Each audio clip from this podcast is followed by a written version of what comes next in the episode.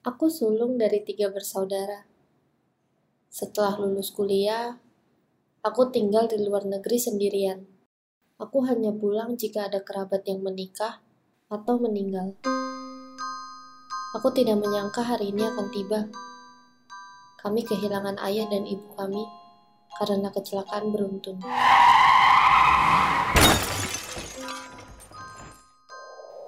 Aku menatap kedua adikku. Aku merasa bingung. Mereka tidak menunjukkan ekspresi sedih sama sekali. Mereka justru berdandan sangat cantik. Aku mencoba untuk menepis pikiran negatifku. Mungkin aku cuma stres.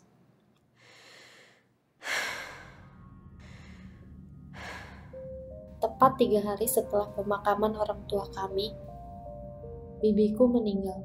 Beliau terjatuh di kamar mandi. Aku terkejut.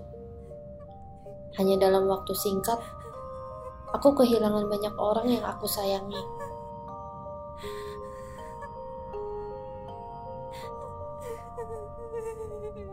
Anehnya, kedua adikku malah mengenakan baju baru dan terlihat sumringah di pemakaman.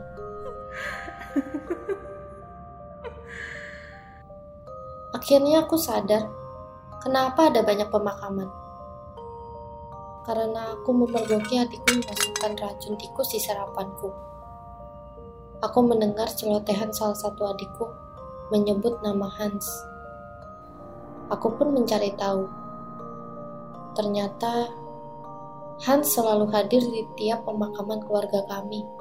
Dia merupakan saudara jauhku yang tinggal di luar kota. Sepertinya kedua adikku akan membuat lebih banyak acara pemakaman demi bertemu dengan cowok sempurna itu. Aku suka dengan ceritaku. Aku dan teman-temanku akan datang setiap bulan. Jangan sendirian ya.